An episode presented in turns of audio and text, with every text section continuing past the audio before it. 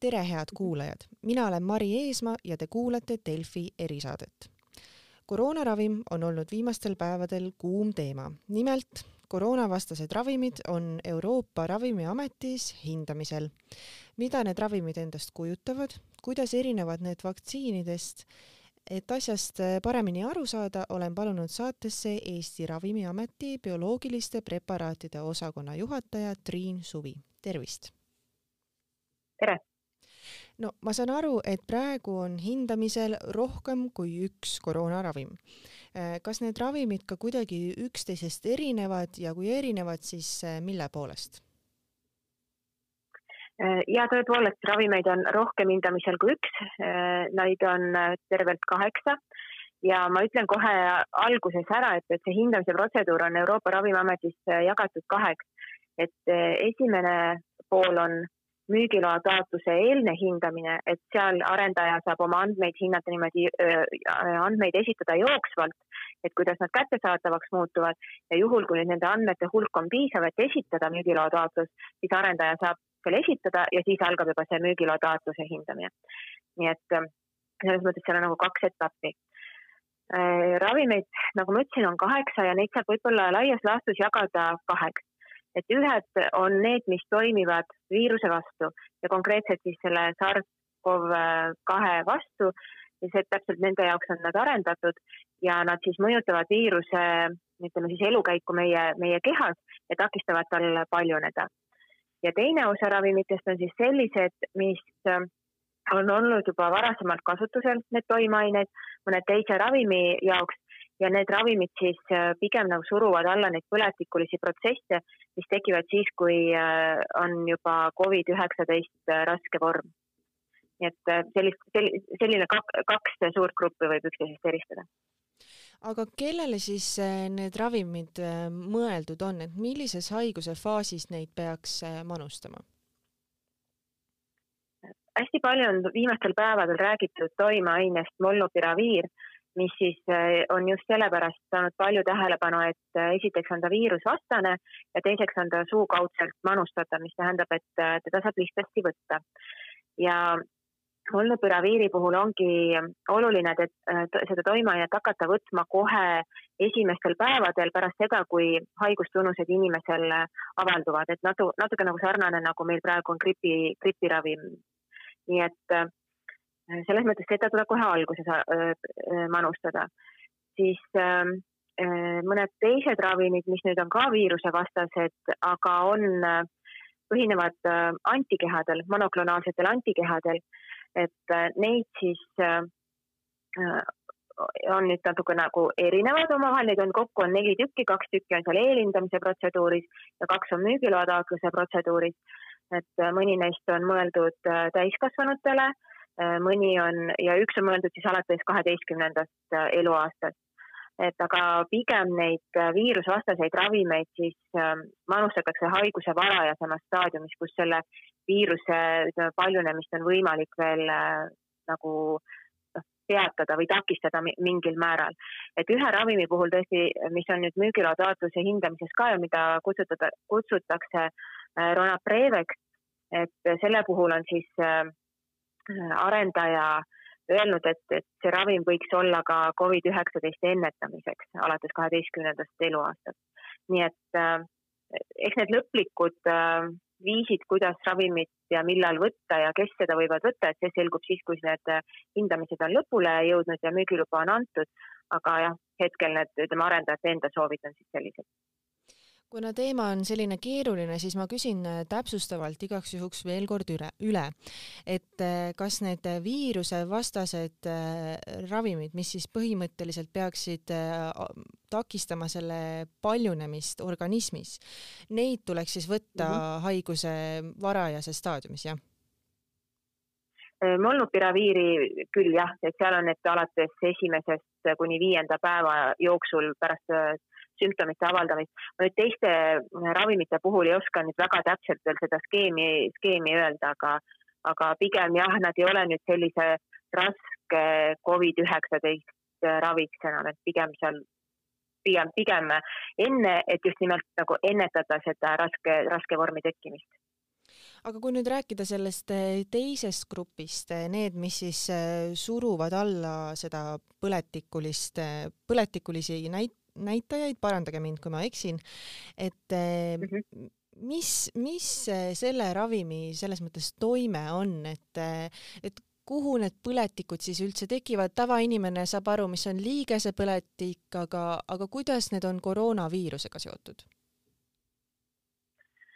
Äh, võib-olla ma nii spetsiifiliselt kohe ei oska vastata, aga, aga katsun nüüd selles suures plaanis, et kui tekib raske Covid-19 vorm, et siis äh, patsientidel tekib kopsupõletik, tekib, öeldakse nagu tsütokiinide torm, et mis siis tekitab sellist, ütleme siis tugevat põletikureaktsiooni inimese kehas, et need ravimid siis pärsivad äh, nagu erinevaid, äh, kuidas ma ütlen siis nagu võtme, äh, võtmeaineid seal organismis, et näiteks on seal interleukiin üks, ühe, ühe ravimi sihtgrupp, teisel,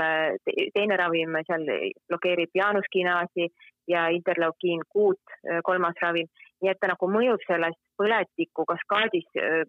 mingi, mingile nüüd äh, ühendile, et lihtsalt seda põletikureaktsiooni siis aidata maha suruda, et ta ei läheks äh,, ei läheks edasi. et seda on nagu raske seletada ja võib-olla ma ei oska seda väga detailselt äh, niimoodi äh, öelda, aga, aga see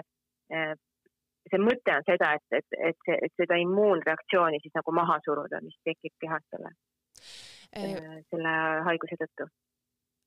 vaktsiinidest on räägitud väga palju selles võtmes, et nende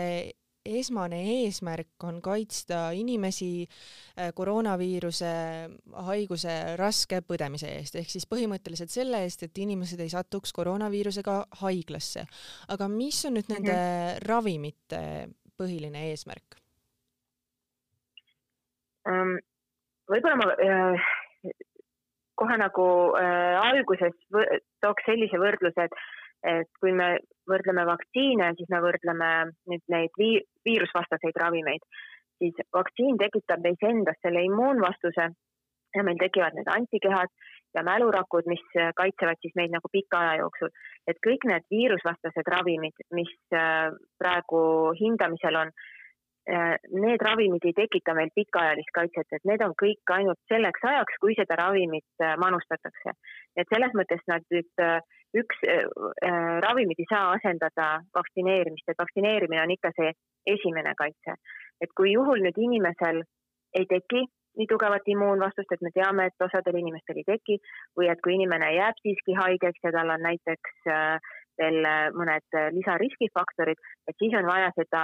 Äh, toetavat ravi ja eks selle toetava ravi eesmärk on noh, täpselt samamoodi ära hoida seda rasket haigestumist, haiglaravi ja suremust, et aga lihtsalt, et ta toetab siis omakorda seda vaktsiini äh, ütleme siis, äh, et vaktsiin on esimene ja siis toetavad ravimid, et juhul, kui neid on vaja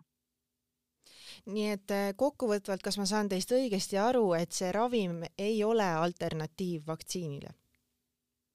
just, et ravim ei ole alternatiiv vaktsiinile ja kui nüüd äh, mõelda, et see molnupiraviir on äh, suukaudne, et võib tunduda inimestele, et äh, väga lihtne on ju teda nüüd võtta ja nüüd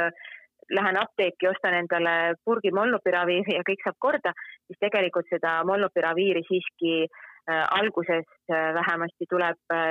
loetud inimeste ravikuurid ja neid saavad ikkagi väga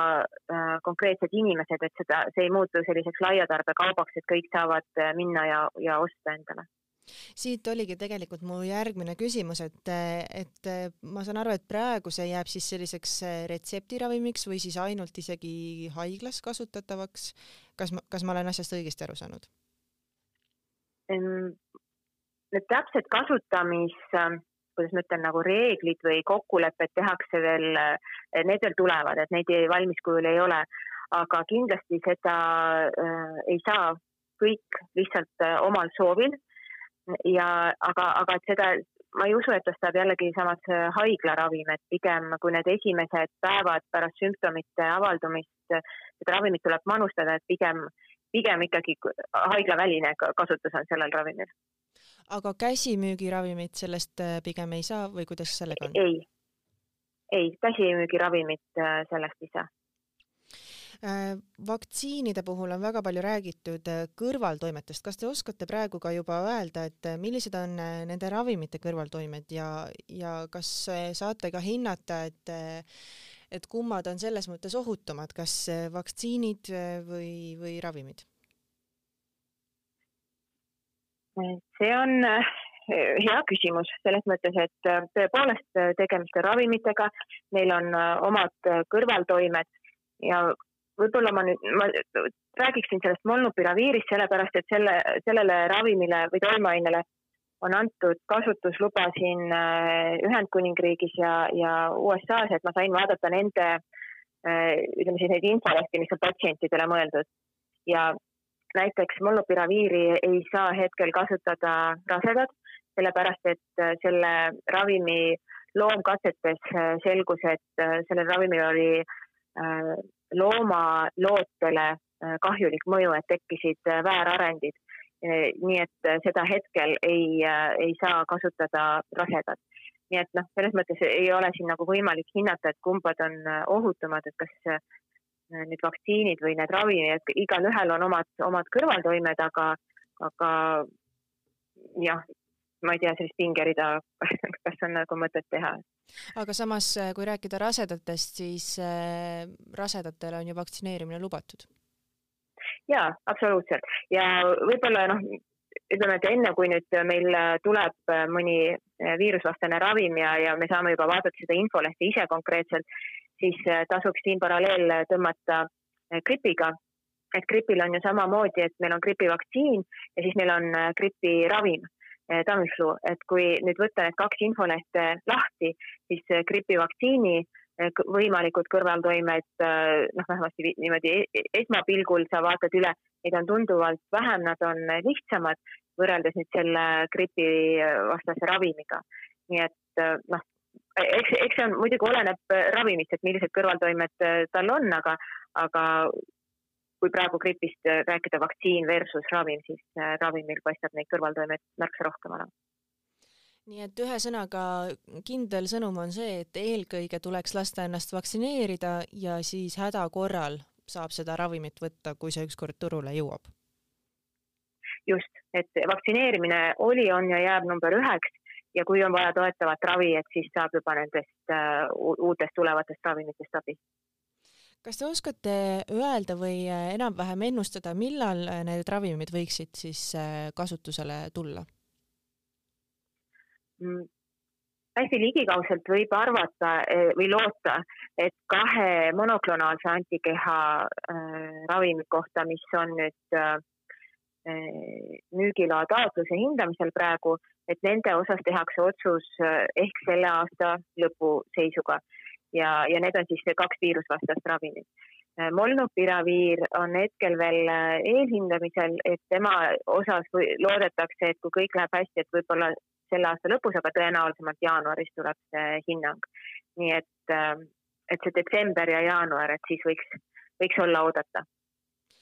ja viimasena küsin nüüd äh, konkreetse küsimuse vaktsiinide kohta. kas te oskate öelda, millal võiks Euroopas hakata Pfizeri vaktsiini manustama ka viie kuni üheteistaastastele lastele, et ma saan aru, et äh, Ameerika Ühendriikides on see luba juba olemas